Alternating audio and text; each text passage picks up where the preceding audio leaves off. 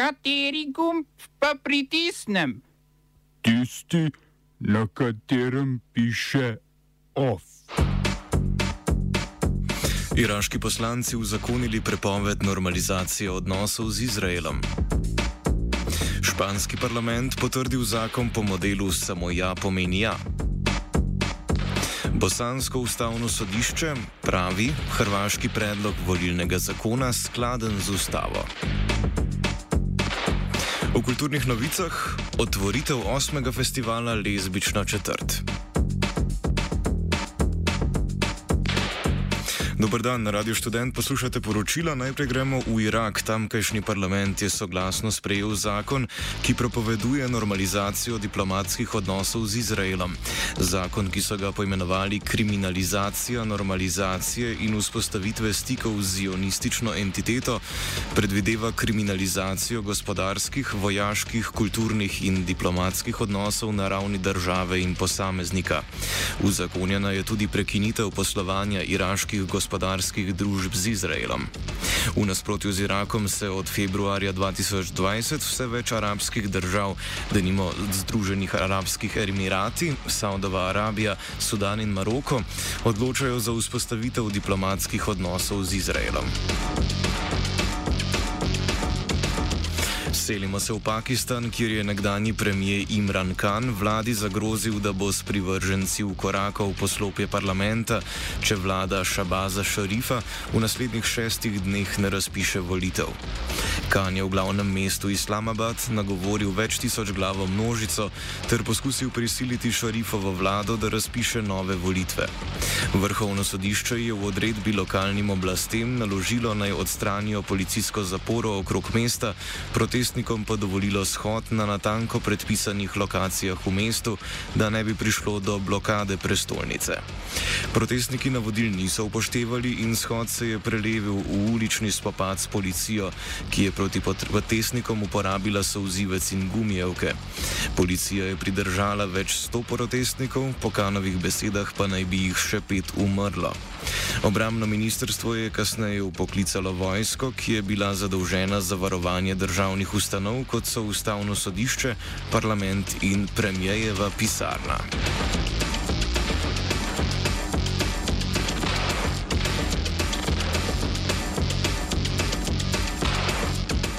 Gambijska parlamentarna preiskovalna komisija je izdala poročilo o kršitvah človekovih pravic in zločinih proti človeštvu, ki jih je izvajala oblast nekdanjega predsednika Jaje Jameja. V poročilu je komisija ugotovila, da je Jamejev krok sodeloval pri množičnih aretacijah in mučenih opozicijskih voditeljev. Med letoma 1996 in 2017 je po podatkih zbranih v poročilu zaradi vladnega nasilja umrlo med 200 in 250 ljudi, ki so bili obtoženi po krivici.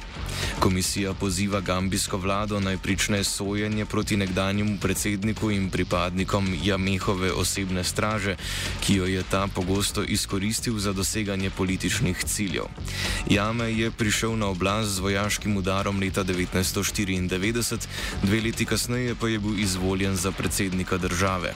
To je vodil do leta 2017, ko ga je na volitvah premagal eden izmed vodij opozicije Adama Barov.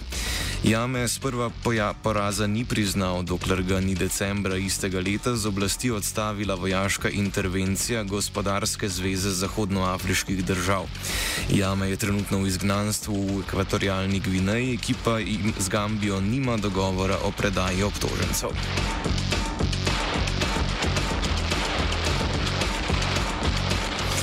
Spodnji dom španskega parlamenta je z 201 glasom za in 140 proti izglasoval nov zakon o spolnem nasilju po modelu Samo ja pomeni ja. Ta odpravlja razlikovanje med spolnim nasiljem in zlorabo, spolno nasilje pa bo obravnavano enako kot posilstvo s predpisano kaznijo do 15 let zapora. Kot kaznivo dejanje bodo obravnavani tudi tako imenovani komplimenti zastraševalne narave in širjenje posnetkov spolnih odnosov odnosov. Zakonu sta nasprotovala ljudska stranka in populistični Vox, ki v govoru utemeljujeta z argumentom, da bi zakon ogrozil načelo domneve nedolžnosti.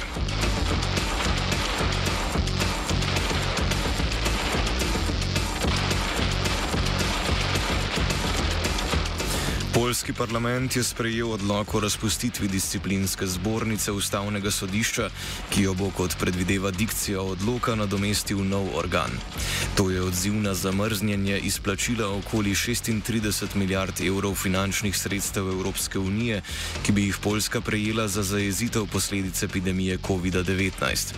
Leta 2019 je poljska vlada sprejela novo pravosodno reformo, ki je predpisovala ustanovitev disciplinske zbornice zbornice za pregledovanje politične naklonjenosti sodnikov in zagotavljanje politične neodvisnosti sodstva. Evropska komisija je zakon označila za sporen, čež da krši načela vladavine prava in omejuje neodvisnost polskega sodstva. Oktobra lani je sodišče EU Polski naložilo denarno kazen milijon evrov dnevno za vsak dan delovanja disciplinske zbornice. Do zdaj je Poljska zbrala okoli 200 milijonov evrov kazni. Notranje politični odzivi na odlog so mešani, koalicijske partnerice so ga označile za nezadovoljivega, medtem pa stranke opozicije, ki so v spodnjem domu soglasno glasovale proti odloku, trdijo, da gre za politično manevriranje vlade, da bi prejela denar EU. Sprejem odloka o razpustitvi disciplinske zbornice mora potrditi še senat, v katerem ima večino opozicija. Ta še opozarja, da razpustitev ni zadosten ukrep, temveč bi moral parlament znova imenovati sodnike, ki jih je disciplinska zbornica suspendirala.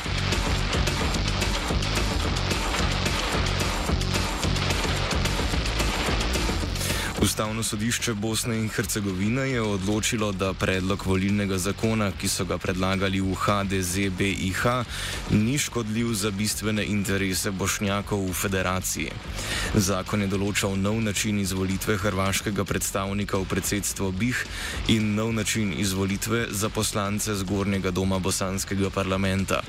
Bosanski poslanci so predlog zakona blokirali, saj naj bi zakon oškodoval politični položaj bošnjakov. Zato je predlog obravnavalo ustavno sodišče in ga, potem ko je ugotovilo skladnost s ustavo, vrnilo v odločanje zgornjemu domu. Podporo zakonu so napovedali tudi bosanski Srbi pod vodstvom Milorada Dodika. Vendar mora zakon prestati glasovanje v spodnjem domu, v katerem so bošnjake in državljanske stranke napovedale, da za ne bodo glasovale. Predsednik stranke Demokratične akcije Bakir Izetbegovič je hrvaško zakonsko pobudo označil označil za škodljivo in dejal, da poskuša HDZ paktirati z Dodikom, da bi bošnjake politično izigrali. V Bosni bodo 2. oktobra potekale državno-zborske volitve, ki se bodo izvedle še po starem volilnem zakonu.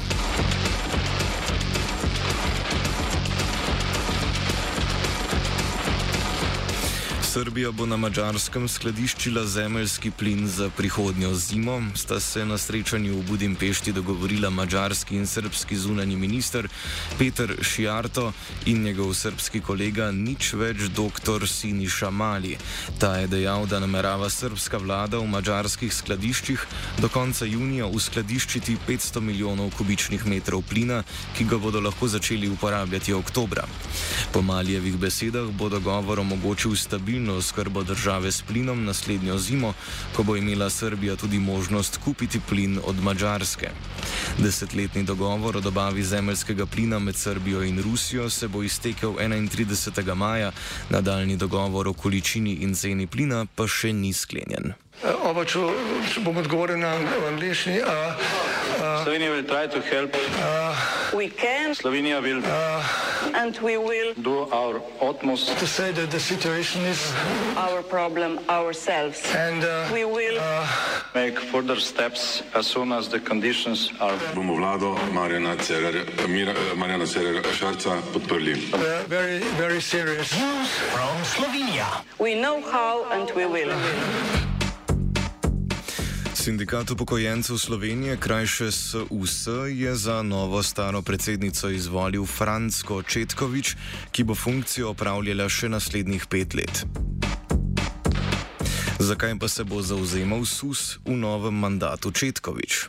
Naši cilji so, eh, da nas poslušujejo starejše, eh, da nismo varovanci, onemogli, eh, starostniki in tako naprej in da spoštujejo tudi naše, eh, naš, bi rekla, željo, da nič o starejših brez starejših. Predvsem pričakujemo ureditev sistema zdravstvenega varstva zavarovanja, da bodo starejši, pa tudi vsi, ampak predvsem starejši so še posebej prizadeti, imeli dostop do kakovostnih in pravočasnih eh, zdravstvenih storitev, da se ne bo dogajalo to, da starejše ljudi, tudi 90 in 100 let starije, pošiljajo v drugo regijo, naj si iščejo posebne zdravnike. Zakaj se bo zauzemal, smo že slišali, nadaljujemo pa z volitvami v SUS, ki se upadajo z oblikovanjem nove vlade. Ta naj bi jo po potrditvi v državnem zboru predvidoma dobili v sredo. Od za zdaj še mandatarja Roberta Goloba Četkovič pričakuje, da bo njegova vlada spoštovala in vodila socialni dialog. Predvsem pa pričakujemo, da bo nova vlada svoje zaveze v koalicijski pogodbi spoštovala, da bo spoštovala socialni dialog in da seveda bo spoštovala to, da je Slovenija socialna država. OF je pripravil vajenec Beno, mentoriral je Fabian, sledijo pa kulturne novice.